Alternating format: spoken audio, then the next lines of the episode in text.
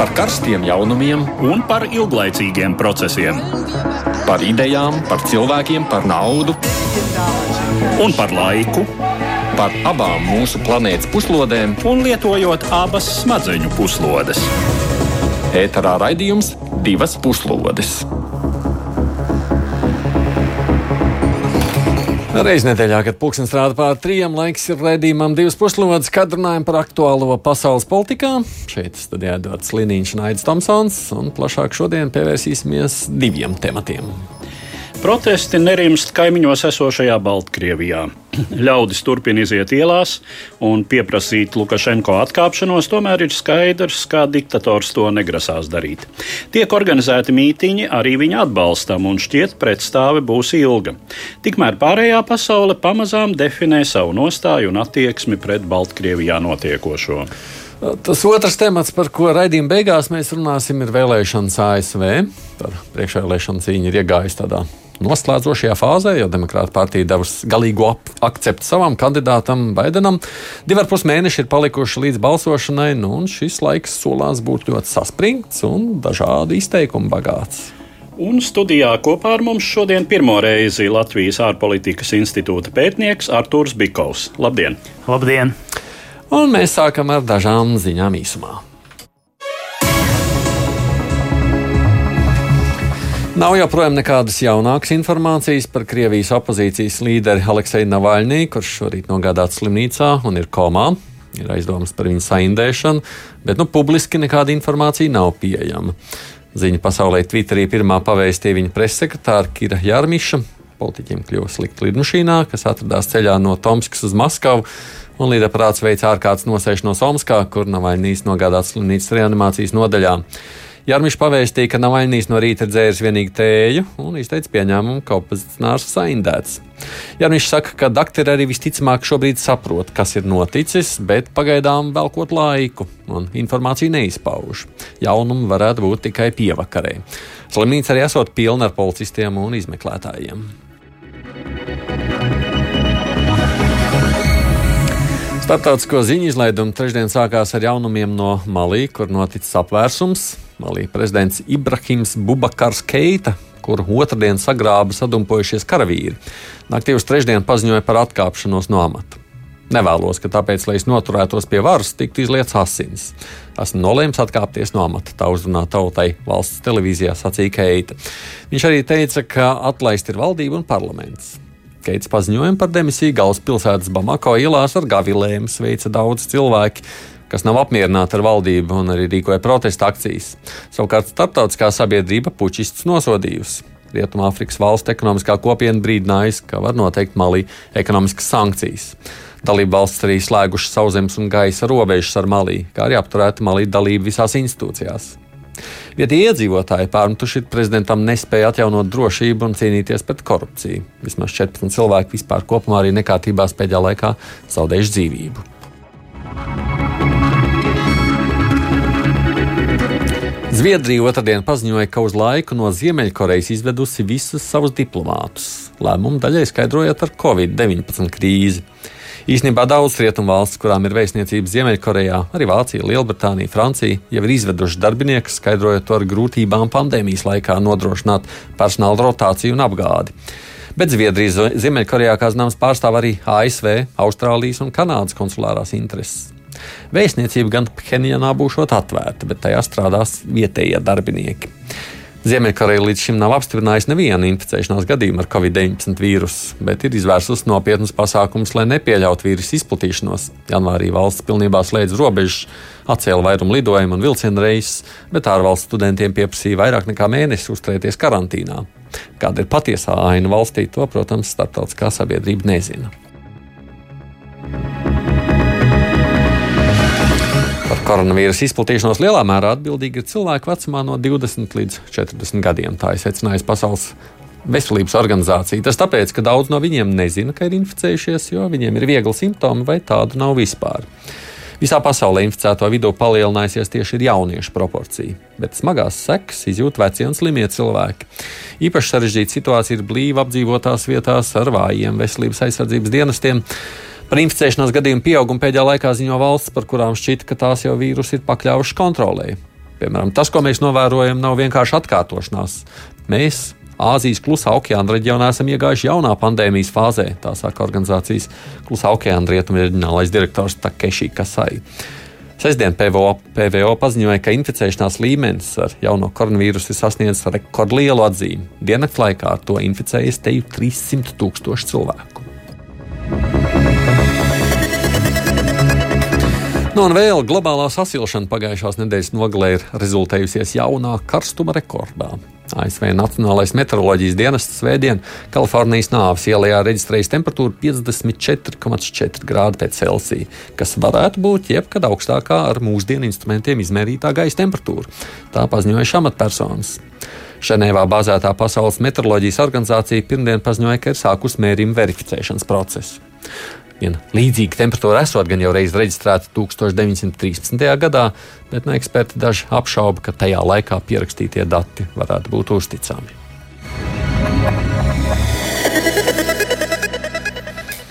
Bet nu pievēršamies tam, kas šajās dienās notiek Baltkrievijā. 19. augusts bija 11. diena, kopš Baltkrievijā turpinās protesti pret prezidenta Aleksandra Lukašenko režīmu. Kā atzīmē daudzi novērotāji, šobrīd starp varu un pārmaiņas pieprasošo sabiedrības daļu ir iestājies zināms spēka līdzsvars. Un, ja dažās iepriekšējās dienās šķita, ka režīms zaudē pozīcijas, tad vakardiena vedina domāt, ka vadonis Lukašenko mēģina pāriet pretuzbrukumā. Iepriekšējās dienās spēka struktūru pārstāvi praktiski netraucēja protestu norisi, un no ieslodzījuma tika atbrīvoti vairums iepriekšējā protesta periodā aizturēto.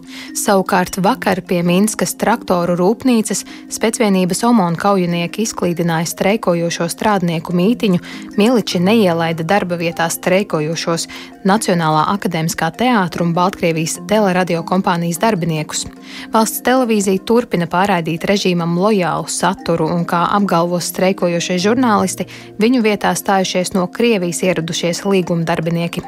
Turpinās streiki daudzos uzņēmumos, tā skaitā tādos starptautiski zināmos lielražotājos kā autobūvas uzņēmumā Belaz, ķimikāliju un minerālu mēslu rūpnīcas Grodno Azot, Mīnskas traktoru rūpnīca un citas. Pastāvīgi parādās informācija, ka uzņēmumu vadība mēģina iebiedēt strādājošos, un daļa no viņiem turpina darbu. Savukārt citur tiek nodarbināti streiklauži no pensionāto darbinieku vidus. 14. augustā Lietuvā patvērumu radusī opozīcijas līdere Svetlana Tihanovska paziņoja, ka tiek veidota koordinācijas padome varas nodošanas nodrošināšanai. 18. augustā notika jauntapušās organizācijas pirmā preses konference Minskā. Tajā tika uzsvērts, ka padomas mērķis nekādā ziņā nav varas pārņemšana un attiecīgi kādas izmaiņas Baltkrievijas konstitucionālajā iekārtā vai ārpolitiskajā orientācijā, bet gan tikai un vienīgi esošās krīzes atrisināšana risināšana dialoga ceļā. Vakar koordinācijas padome ievēlēja prezidiju, kurā starp citiem ietilpst rakstniece, Nobela prēmijas laureāte Svetlana Aleksieviča, bijušais kultūras ministrs un diplomāts Pāvels Lutuško, Minskas traktoru rūpnīcas pārstāvis Sergejs Dipļevskis, nereģistrētā prezidenta kandidāta Viktora Babariko, priekšvēlēšana štāba koordinātore Marija Koļesņikova tika publiskota prasību programma - politisko vajāšanu pārtraukšana, politieslodzīto atbrīvošana, šādās vajāšanās vainīgo sodīšana un atkārtotas prezidenta vēlēšanas ar mainītu vēlēšanu komisiju sastāvu un ārvalstu novērotājiem. Savukārt prezidents Lukašenko pēc visas spriežot, jebkādu varas nodošanu nepieļauj. Publiskotajos fragmentos no vakardienas valsts drošības padomu sanāksmes vadonis spilgtos izteikumos raksturoja opozīciju kā valsts grāvējus, pie tam citējot kādu tīmeklī cirkulējošu opozīcijas štābu programmu, kura itin kā paredz visu iespējamo saišu saraušanu ar Krieviju, Krievu valodas izskaušanu un Baltkrievijas pievienošanos Eiropas Savienībai un NATO. Atgādījums studijā šeit arī Arthurs Bikovs. Kā izskatās, neizdodas opozīcijai, kā gribējāt? Uh, nu, neizdodas tādā ziņā, ka ja, pagaidām Lukašenko ir prezidenta amatā. Tāda ziņa viņam pagaidām neizdevās. Uh, bet uh, ļoti grūti spriest, jo kā attīstīsies tā situācija. Man šķiet, ka kādreiz es teicu, ka nu, līdz nedēļas beigām var prognozēt, jā, par mēnesi būtu pat tālu. Šobrīd man šķiet, ka pat līdz nedēļas beigām nevar prognozēt īsti, lai būtu pārliecināta par to, kas notiks. Uh, bet uh, šķiet, ka jā, tas uh, pret uzbrukums, tā teikt, no Lukašenko puses pret uh, protestētājiem. Tā izskatās, pagaidām ir sācies. Un ka uh, pietiekami mierīgi notikušas brīvdienas un uh, pirmās nedēļas dienas uh, tagad pakāpeniski tas, tas ir beigsies. Un, un, un šķiet, ka nu, viss, ka tagad Lukašenko atkal uzsāks tādu nu, pietiekami uh, agresīvu kampaņu pret, pret, pret protestētājiem, bet atkal grūti spriest, jo nevar zināt noteikti, kā tas viss notiks. Jā. Saka, saka, Edvard. Nu, šādās situācijās vienmēr ir svarīgi tas, cik sabiedrība ir gatava, cik sabiedrība var turēt, tā vienkārši uh mhm. -huh. sakot, un kuram būs stiprāki nervi.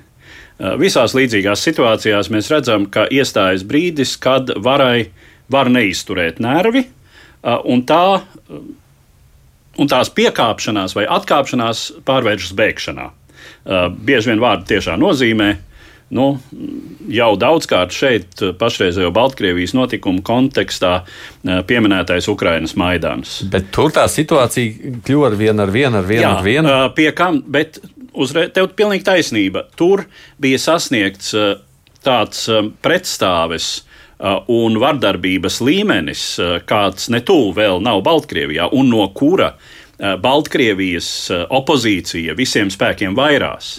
Te pirmajās dienās parādījās kaut kādas runas, ka kāds esot metis kādu molotovu kokteili Minskā.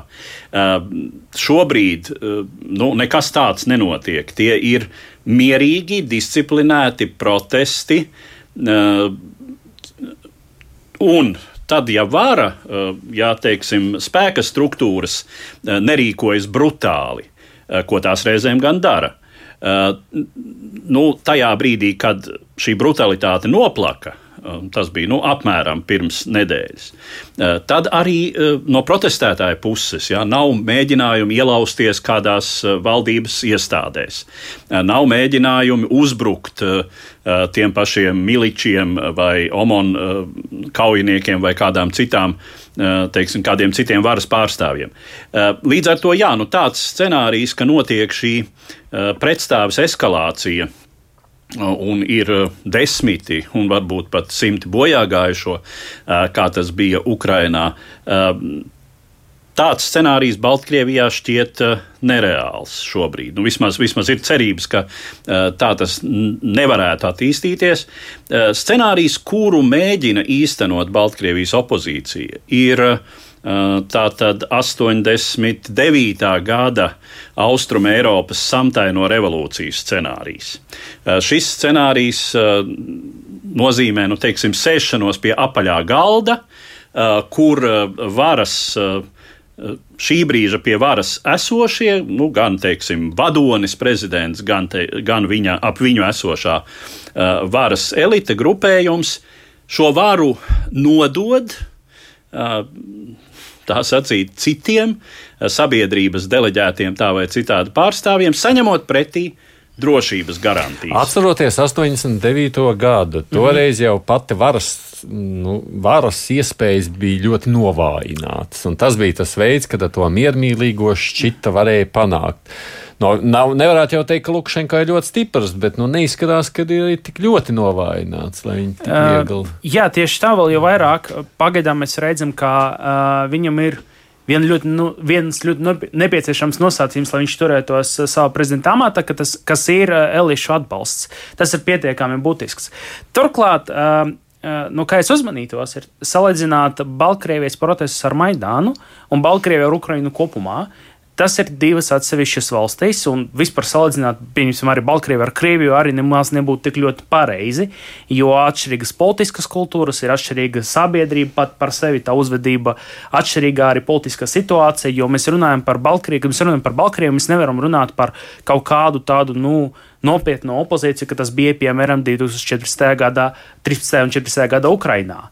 Tur bija vairāki opozīcijas līderi, kuriem bija iespēja noturēt to, uh, to opozīciju, lai, lai run, tieši runa par tiem nerviem, jā, mm. lai, lai, pietur, pie, lai pietiek tie spēķi, lai to visu uh, uzturētu. Nu, kad tev ir uh, skaidra opozīcija ar skaidram domām, ar līderiem, spēcīgiem un tā tālāk, tā joprojām, tad to noteikti darīt daudz vieglāk. Uh, šeit diezgan grūti runāt par kaut kādiem formāliem līderiem, neskaitot Tihanovsku, kas arī ir ārpus Baltkrievijas. Un katrā ziņā Uh, to pierāda arī tas fakts, ka pat, uh, kad viņi bija, spriežot no malas, spiesta pamest uh, Baltkrieviju, jā, protesti turpinājās.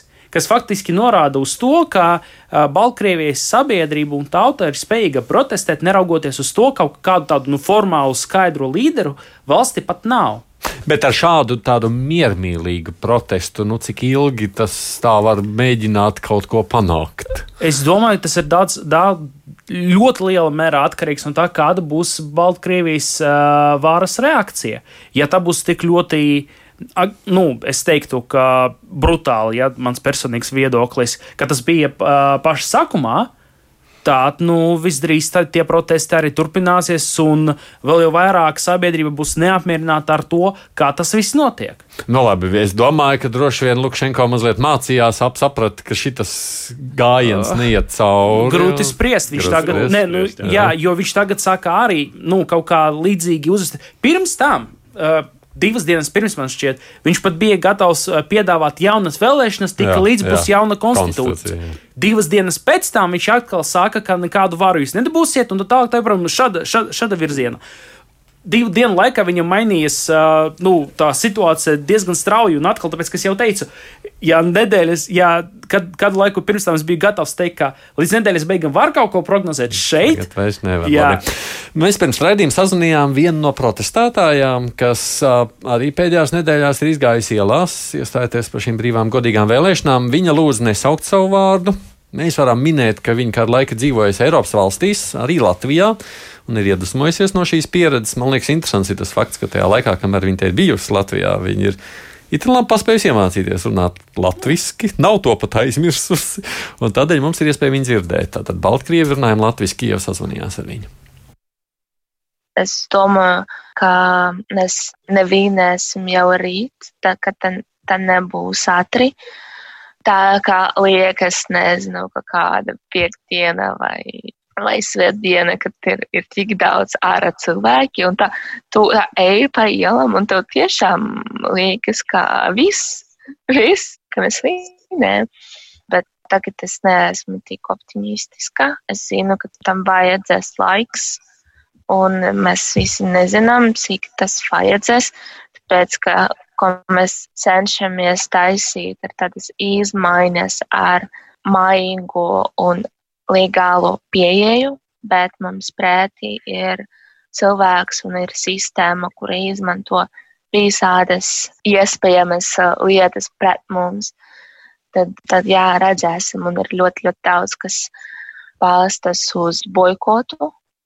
Un tas fakts, ka ir ļoti daudz uzņēmumi, tādi valstu uzņēmumi lielākie, ka viņi protestē, tas ir ļoti labi, bet tie cilvēki, kuri strādā, pret viņiem ir ļoti daudz spiediena, un tāpēc es redzu sociālus tīklus, ka cilvēki raksta, ka klau, ka viņiem sākas darba diena septiņus no rīta, un vai visi aiziesim tur, un viņu atbalstīsim, lai tie cilvēki, kuri strādā, viņi redz, redz, ka mēs esam daudz, ka mēs, mēs tiešām viņu atbalstam.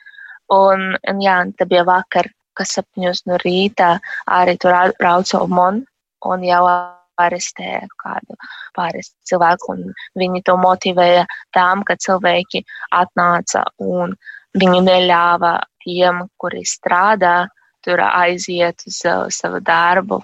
Un tā tas ir ārprāts, kas notiek ar komunikāciju no valsts puses.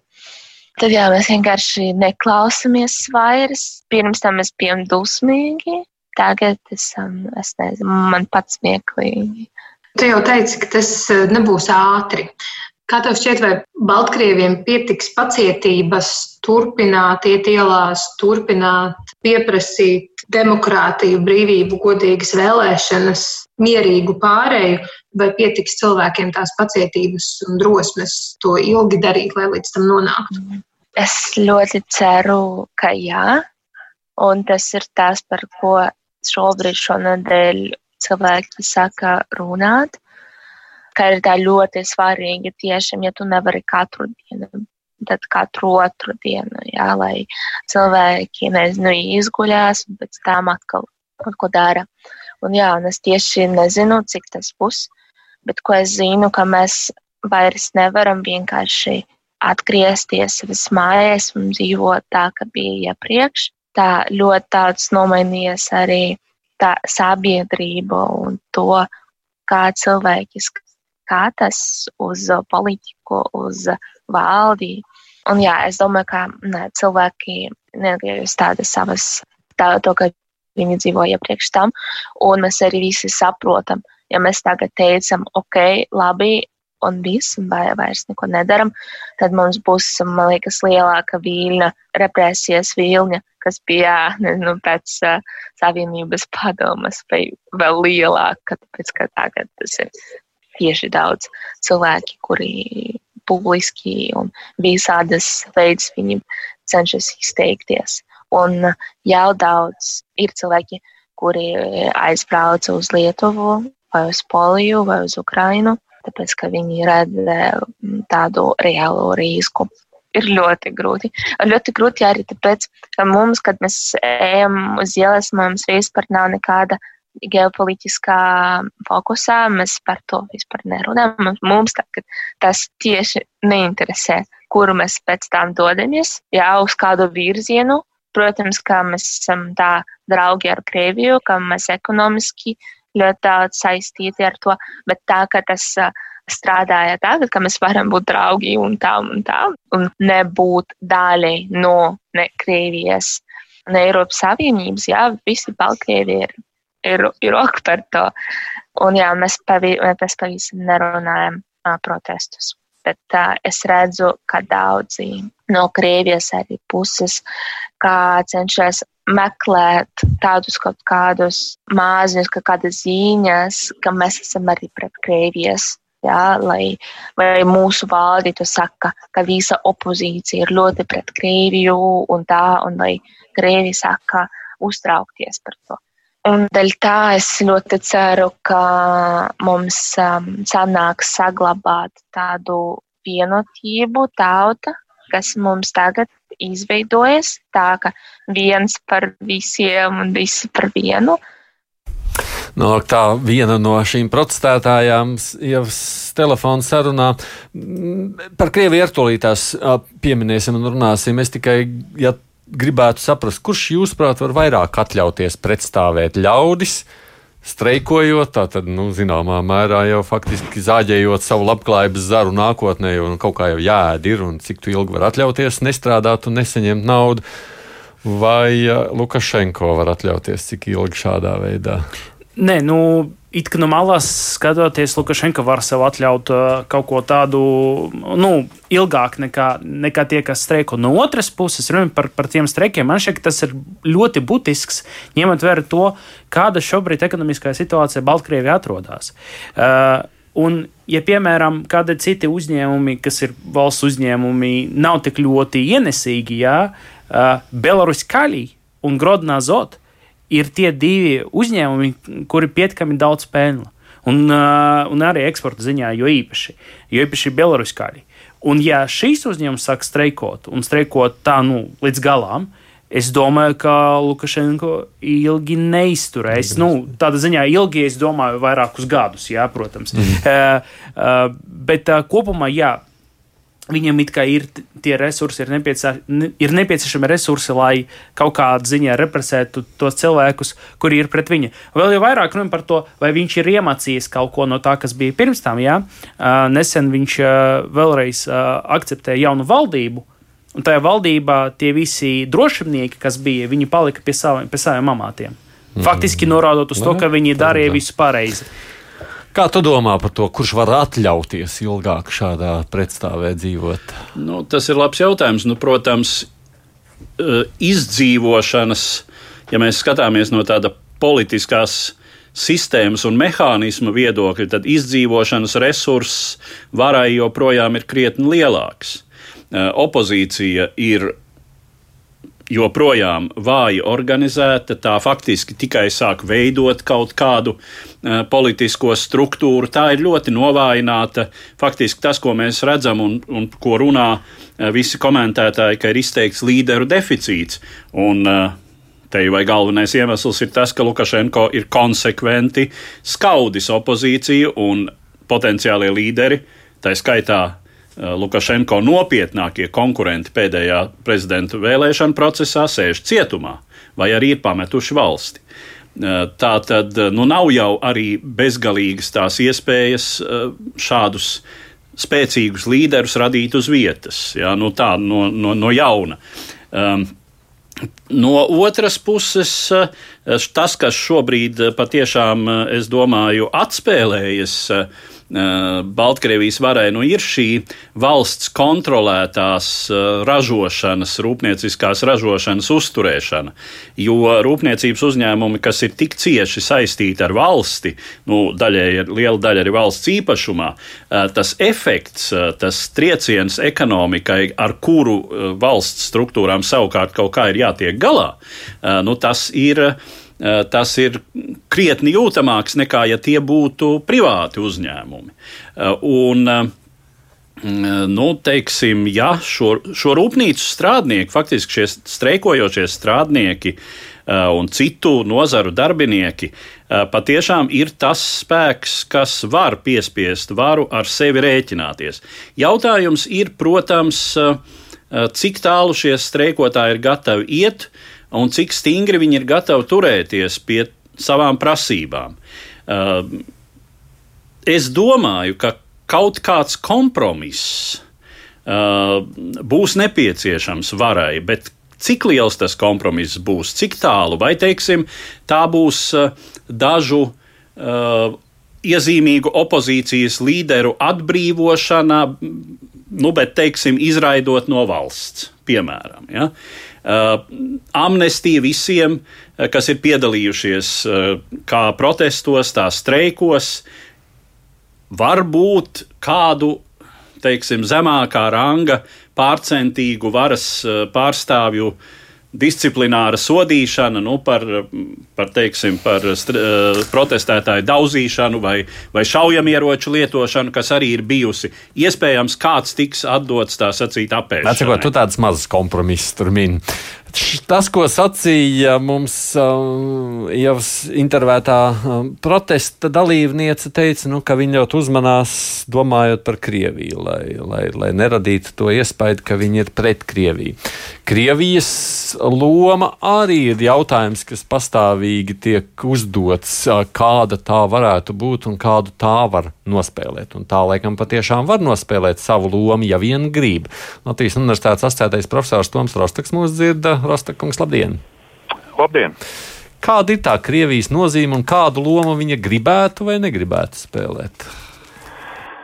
Uh, nu, raugoties uz Baltkrieviju, daudziem cilvēkiem pirmā reakcija bija, ka ārprāts, nu, tad uh, notiks droši vien kaut kas līdzīgs kā Ukrainā, bet, uh, nu, ar, ar Krīmu un Donbass, uh, bet tas droši vien ir pēdējais, ko, ko Krievija gribētu darīt. Un uh, Krievijas nostāja līdz šim ir bijusi uh, diezgan uh, nogaidoša. Uh, manuprāt, pagaidām nekas neliecina uh, par to, ka, ka Krievija grasītos uh, militāri iejaukties, pat ja Lukašenka to, uh, to, to gribētu. Uh, jo, jo tad būtu jāveic diezgan pamatīga uh, sagatavošanās. Bet, uh, bet no otras puses, nu tad, Krievijas, Krievijas nostāja arī ir tāda nu, bijusi diezgan nenoteikta. Un, teiksim, Lukašenka tiek atbalstīts, bet, bet pagaidām nekāda tāda redzama iejaukšanās nav notikusi. Tiesa gan es pieņemu, ka nu, pēc kāda laika, nu, ātrāk vai vēlāk, mēs varētu arī uzzināt par nu, nu, varētu nākt klajā informācija, ka Krievijas klātbūtne bijusi uh, lielāka. Tomēr arī nu, pēdējo uh, desmit uh, dienu laikā uh, ir bijuši gadījumi, kad uh, um, nu, policisti nostājās tautas pusē Un, nu, teiksim, nu, šo būtu iespējams novērst tādā veidā, nu, ka tie, tie kārtības sargi, kurus visā viņu um, aprīkojumā nebūtu iespējams atpazīt, tad tie tiktu ievesti no um, nezinu, citiem uh, Baltkrievijas uh, reģioniem vai arī varbūt pat no Krievijas. Tā kā varbūt tā Krievijas klātbūtne tur ir, bet mēs viņu tā īsti nesam uh, pamanījuši. Kas nozīmē, bet, bet ka situācija, jā. situācija Krievijai ir ļoti uh, sarežģīta arī. No tādu viedokļa Krievijai būtu izdevīgāk saglabāt šo neutralitātes tēlu.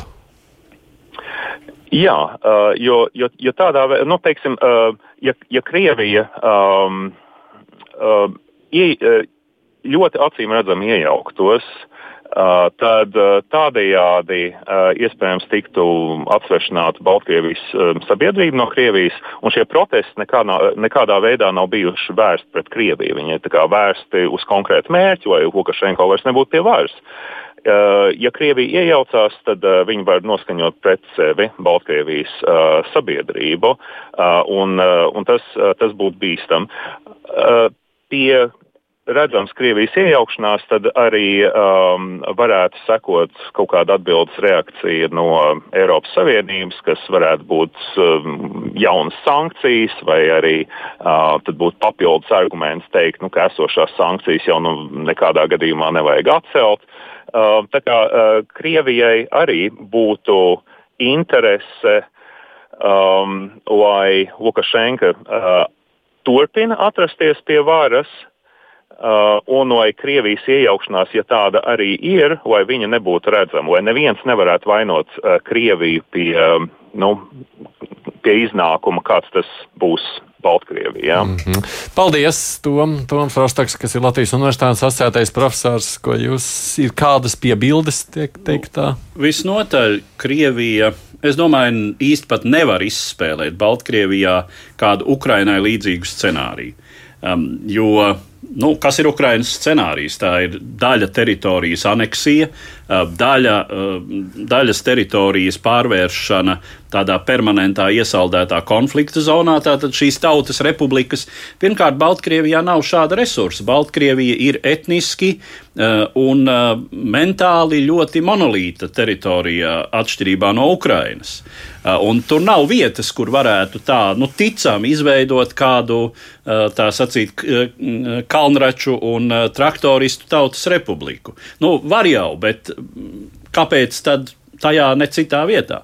Eh, tas ir, tas ir viens, eh, un arī šis scenārijs kā tāds. Eh, kaut kas tāds Baltkrievijā varētu radīt, nu, varētu izraisīt drīzāk Vladimira Putina popularitātes no, krišanos Krievijā. Bet kā jūs, sabiedrībai. kā jūs domājat, tur ir kaut kas tāds slēptais, tas, ko te pieminēja Toms? Uh... Nu, ja tas ir slēptais, tad es to nevarēšu pateikt, jā. jo tas ir paslēpts. No, jā, jā. jā, ja tas ir slēpts no manis. Bet paturpinot, kas bija teikts, jā, Uh, manuprāt, arī īsti pieprasījuma Krievijā nav par kaut ko tādu. Mm. Mēs arī nerunājam par resursiem, un arī Krievijā esošais Putina reitings kri, turpina krīst, un, un mītīņi notiek arī Habarovskā, piemēram, jā, kas arī fakt, nu, katrā ziņā norāda uz to neapmierinātību ar, ar, ar, ar, ar valdību un ar vāru. Iekarošana Minskā nepalīdzētu Putinam. jā, jā, tieši tā, iekarošana. jā, jā, tur par to arī runa. Ja, piemēram, par Krimas, anek Krimas aneksiju izraisīja to reitingu kāpumu, jā, un mēs uh, visu laiku runājam par tiem 86%, jā, kas bija Putinam pēc Krimas anektēšanas. Šobrīd es stipri šaubos, ka Baltkrievijas uh, iekarošana, jā, ka tad, kā tā tiktu pasludināta, uh, es pieļauju, uh, uh, valsts medijos. Tas diez vai izraisīs to kāpumu, ja vien ne otrādi izraisīs kaut kādu kritumu. Tāpēc tas ir nozīmīgs un arī resursi. Krievijā 2014. gada bija mazliet bagātākā nekā tā ir šobrīd. Nemaz arī nerunājot par Covid efektu, kas arī ir bijis pietiekami manāms uh, Krievijā. Līdz ar to arī no šī skatu punktā uh, es stipri šaubos, ka kaut kāds tāds scenārijs, kas bija Ukraiņā, ir iespējams. Nu jā, un arī tas, ko mēģina izdarīt šobrīd Lukašenko, vismaz tādā verbālā līmenī, pārliecināt, ka Baltkrievijā veidojas nacionālisms, kas būtu vērsts pret visu krievisko. Baltkrievijas sabiedrība, sevišķi, ja mēs runājam par valodisko momentu, ir jau tik ļoti krieviska. Nu, tas, tas izklausās absurdi. Es gribu vēl vienu jautājumu, pabeidzot par Baltkrieviju, pievēršoties Amerikas Savienotajām valstīm. Eiropas Savienības valsts un ne tikai rietumi faktiski šobrīd neatzīst vēlēšanu rezultātus. Ko nozīmē Baltkrievijai šādas neatzīstas vēlēšanas starptautiski? Nu, tīri teoretiski, un arī drīz tās sankcijas būs ieviestas, mm -hmm. jā, pret Baltkrievijas personām. Tas faktiski, norāda, tas faktiski ļoti, ļoti traucētu Baltkrievijai dabūt, piemēram, papildu kredītus vai aizņēmumus no citām organizācijām, jo tās traucētu. Manuprāt, galvenokārt tieši no šī ekonomiskā skatu punkta. Jo, kā jau teicu, pirms tam, ja ekonomiskā situācija Baltkrievijai šobrīd nav tā labākā, un būs nepieciešami tie aizņēmumi un kredīti.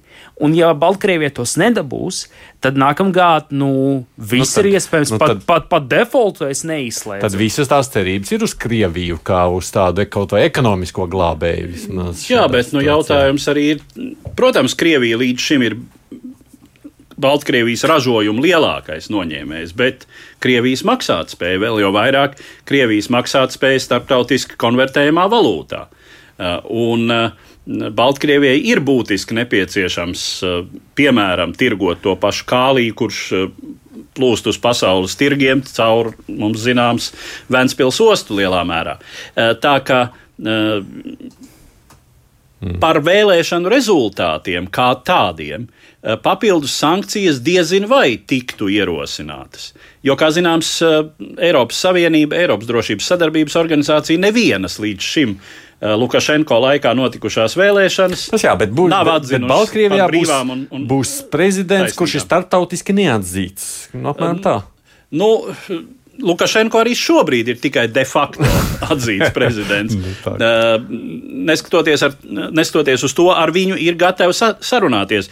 Teiksim, ja būs brutāla šo, šo protestu apspiešana, tad gan varētu būt. Nu, Lietuva ir pirmā bezdelīga, kas ir Lukašenko pasludinājusi par persona non grāta mhm. un viņa citus varas pārstāvis redzamākos. Tā kā varētu līdzīga reakcija sekot arī no citām Eiropas Savienības valstīm, tas būtu tikai pareizi. Es pabeidzu šo ar vienu vēstulīti no Gunta. Nu, viņš izsaka savu versiju, to mēs vairs nekomentēsim, lai laiks nezūd. Bet viņš saka, tā, Krievija nevis var spēlēt, bet jau spēlē. Pāris dienas atpakaļ Minskā ieradās FDD lidmašīna 22 personas, kuras tālākos politiskos notikumus virzīs un jau virza.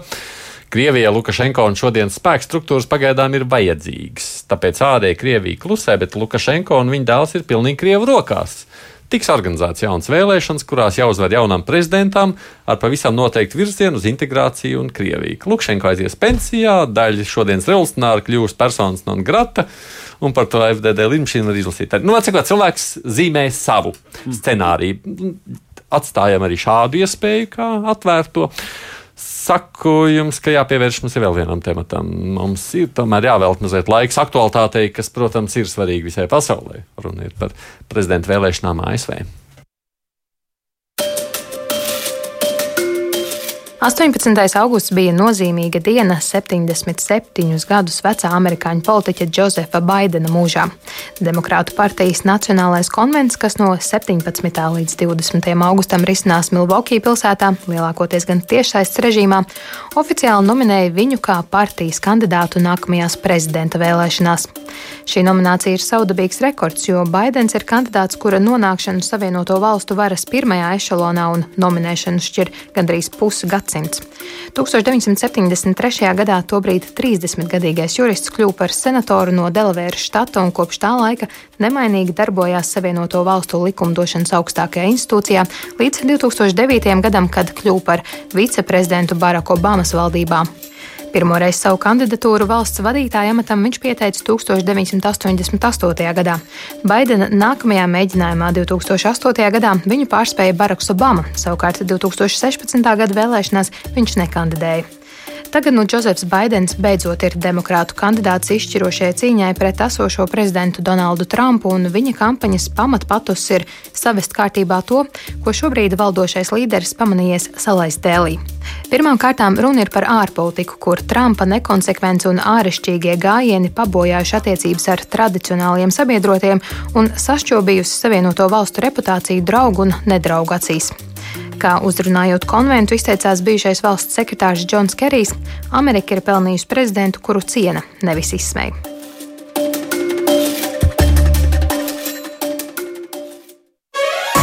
Divas puslodes. Mankārtnes studijā kopā ar mums ir ārpolitikas institūta pētnieks Artos Bikaus, un arī mēs ar Eduardu Liniņu. Tā, ka ja Baidens kļūtu par prezidentu, tad tiešām pasauli viņu cienītu. Es domāju, gan. Um, nu, Amerikas prezidents tā vai citādi tiek Vienmēr respektēts, lai, lai tas, piedodiet par šo izteicienu, lai tas būtu kaut Mouse. Jā. Bet um, Baidens ir uh, persona ar ļoti iestrādātu reputāciju, tā skaitā ārpus Savienotajām valstīm, uh, kā bijušais viceprezidents, kā senāta ilglaicīgs ārlietu komitejas darbi, tātad darbinieks, jā, senators, kurš strādā tieši ārlietu sfērā. Mm, Viņu pazīst. Uh, Viņam ir, ir plašs paziņu lokus ne tikai Amerikā, bet arī ārpus tās. Uh, Tā kā mm, arī visa viņa stāja, viņa līdzšinējā reputācija, nu nav tā, ka bez maziem melnumiņiem, vai arī pat drusku lielākiem melnumiņiem, bet uh, tā ir pietiekami respektējama. Tā ka jā, es domāju, ka. Būtu pilnīgi cita Amerika. Jā. Uh, nu, es, domāju, es domāju, mēs esam, mēs esam par to runājuši, ka Amerika nekļuva pilnīgi cita. Pat tad, kad uh, tāds ekstravagants tips kā Trumps tur nāca pie varas, uh, šai valstī tomēr ir uh, krietni senāk iestrādāta starptautisko attiecību inerce un tik liela valsts tā. Nevar mētāties pat, ja teiksim, tas stūris vīrs to ratu groza um, šurpu turpu nu, teiksim, aktīvāk un nesaprotamāk kā līdz šim. Bet uh, tas pilnīgi noteikti, un, un tas ir arī tas galvenais apsolījums no demokrātu partijas puses, ka mēs atgriezīsimies pie vecās, labās, visai pasaulē zināmās, saprotamās, respektētās savienoto valstu, kā teju vai visu, teju, ka jebkuras pasaules valsts partnera uh, statusa un reputācijas. Kā jums šķiet, izdosies Baidenam vai nē? Šodien uh, paskatījos uh, 538.com uh, aptaujas par to, kādi ir, kādi ir reitingi gan Baidenam, gan Trumpam. Un kopumā ainava ir tāda, ka, Trumpam, uh, ka Baidenam ir plus uh, 10 vidēji. Uh, kas ir pietiekami daudz. No otras puses, tendence ir tāda, ka pakāpeniski Trumpā reitingi sāk augt. jā. Jā, un turklāt arī Baidena reitingi pieauga nedaudz tā iemesla dēļ, ka, ne, nu, ka joprojām turpinās tas kongress. Um, tas arī palīdz viņam. Paskatīsimies, kā būs tad, kad um, Republikāņu partijas kongress notiks. Varbūt tur arī būs tas kāpums, ir, būs lielāks. Un līdzīgu situāciju man šķiet, ka mēs redzējām arī 16. gadā, kad no sākumā Klintona bija bez šaubām tāda favorīta, ka nu, nevienam nebija, pat, nu, gandrīz nevienam, jā, gandrīz nevienam nebija uh, kaut kādas pārliecības, ka Trumps uzvarēs, bet rekur, kas sanāca. Tāpēc es. Es neprognozēju, kurš uzvarētu, bet pagaidām no malas izskatās tā, ka Baidenam ir pietiekami liels izredzes. Vienīgais, ko es atzīmēšu, gan, kas manuprāt ir diezgan nozīmīgs, ir atkarīgs no tā, kā tālāk Trumps cīnīsies ar Covid-19 uh, un kādi, kāda būs ekonomiskā situācija. Jo tas ir viena no tām galvenām lietām, ko viņš var teikt, pārdot vēlētājiem. Ka, jūs varat man nepiekrist kāda ziņa, nu, maniem politiskiem uzskatiem, lai gan tas būtu dīvaini, jā, bet ekonomikā ir kaut kas tas, par ko es, Donalds Trumps, varētu lepoties un ko es jums varu parādīt kā rekur. Kad es esmu pie varas, ekonomika aug un turpina augt. To būtu diezgan grūti izdarīt tādā, ja situācija ar covid-19 pasliktināsies un ka bezdarbnieku skaits palielināsies un tā ekonomikā sevi atradīs nevisai labākā stāvoklī. Tas ir diezgan būtisks, būtisks priekš viņa. Kas jūs pat vispār tad sagaida mūsu tagad nākamajos divos pus mēnešos? Nu, mūs sagaida interesanta vērošana. Un prognozēšana par to, kas tad īsti notiks. Tas, kas ir diezgan skaidrs, ka tāds tipisks Trumpa vēlētājs paliks uzticīgs Trumpam, neatkarīgi pat no Covid un ekonomikas. Jo ir, jo, nu, teiksim, šajā gadījumā Baidens ir nu, izteikts antitrumps, tie ir, uh mhm. -huh. tie ir pretpoli. Cik viens ir izturēts, korekts, eh, savākts, eh, pat sauss, varētu teikt. Tik otrs ir ekstravagants, svaidīgs, nesavaldīgs, visādās izpausmēs, absolūti nesavākts. Un tie, kuri, kurus tas neuztrauc Trumpa personībā, vai es pieļauju, kuriem tas pat patīk. Jo es domāju, ir liela daļa cilvēku, kuriem patīk domāt, cilvēks neizliekas, jā, kuriem domā, patīk skatīties uz politiku, un to mēs redzam jebkuras valsts politikā, tā skaitā Latvijas politikā. Ir daļa cilvēku, kuriem patīk skatīties uz politiku kā uz bezatbildīgu un varbūt pat es teiktu bezatbildības šovu. Un, un tas ir Trumpa vēlētājs līdz kaulu smadzenēm. Runājot par Trumpa vēlētājiem, vispār runājot par vēlētājiem, vēl viena lieta, ko es atzīmētu, jā, un tas drīzāk attiecas uz, demokrā, eh, uz demokrātiem, bet ir tāds pietiekami liels progresīvs slangs demokrātiem, jā, un viņi šķiet no malās arī nesliecās balsot par Baidenu. Un tur var viņi, un tad, tad demokrāti var sevi atrast tādā ļoti nepatīkamā situācijā, ka tie jaunie progresīvie vai neobligāti jaunie, bet tas progresīvais flanks, kurš atkal spriežot no malās, paliek ar vien lielāks un lielāks, jā, tīri skaitliski, viņš neies uz vēlēšanu balsot. Vai nu vēl sliktāk, viņi ies un balsos par Trumpu, kas nav izslēdzams. Un tādā Trumpa, Trumpa spēja mobilizēt savu elektorātu, viņi ir pietiekami labi, kā mēs arī redzējām 16. gadā. Ja viņš atkal būs spējīgs to elektorātu mobilizēt, un demokrāti nebūs spējīgi mobilizēt savu to progresīvo flangu, tad uh, atkal Baidens varētu sevi atrast līdzīgā situācijā, kā sevi atrada Klintona. Jo idejiski jau tas pats vien uzstādījums ir vecā politika, jā, vecais politiķis gadu gadiem bijis, jā, tur jā, daudz, daudz kārt mēģinājis. Establishmenta pārstāvis. Jā, jā, jā. jā, nu tas ir atkal tas. Uh, ko Trumps uh, kategoriski, nu, kas, ko Trumps uzrāda kā kategorisku mīnusu. Un te jau ir jautājums, uh, vai, vai jūs to kā vēlētājs pieņemat vai nepieņemat. Vai jums tas ir pieņemami, vai arī jums gluži otrādi tas ir nepatīkami. Jā? Nu, tas jā, tas anti-establishment, kas ir, kas ir populisma būtība. Jā? Nost ar, ar visiem, kas tur ilgstoši un labi ir dzīvojuši ja, pašā varas virsotnē. Nu, Baidens ir tieši tāds. tāds no, ja. Ko dot vai nedos viceprezidenta amatam. Arī, tas arī ir šīs dienas no, tā, paralēlais notikums nominētā melnādainā sieviete. Jā, Kamala Harisa. Uh, Tīri teoretiski uh, viņā ir tas cilvēks, kurš varētu savākt to progresīvo balsu. Ja? No vienas puses, no otras puses, jā, uh, viņu pietiekami kritizēja par viņas darbību, kad viņa bija uh, um, Kalifornijas prokurora, uh, galvenā prokurora. Par to, ka viņa bija pietiekami barga, lai gan atkal spriežot pēc statistikas un tā īsti neatbilst patiesībai, bet fakts, ka tāds, jā, par to arī diezgan daudz runā. Tā ir skaita nu, diezgan populāri tie Par Prokuroram to, ka... jau jābūt bargam, kurš nu, nav jau tiesnesis. Nu, nu, Tur kā, kā, no kādas skatu punkta skatīties, varbūt dažiem šķistu, ka nebūtu jābūt tik bargām. Nu, īpaši mm. tur bija tas diezgan nozīmīgs um, jautājums, tas ir marihuānas lietošanas, ka viņi bija jo, jo īpaši barga pret tiem, kas lietoja marihuānu. Tas ir diezgan aktuāls jautājums ASV un tajā skaitā Kalifornijā. Par to arī bija daudz runas. Bet jā, primārais, uh, tā man šķiet no malas, viņa, viņa primāra loma ir tieši savākt balsīs starp tiem progresīviem, lai, lai, lai pēc iespējas lielāku to, to skaitu dabūt balsīs. Ko es vēl eh, vien, uh, vēlos pieminēt, jā, runāt arī par kongresu. Pietiekami daudz uh, interesantu republikāņu piedalījušies, nu, kas asociēja sevi vai kādreiz bija tie republikāni. Kolins Pauels no visiem cilvēkiem. Jā?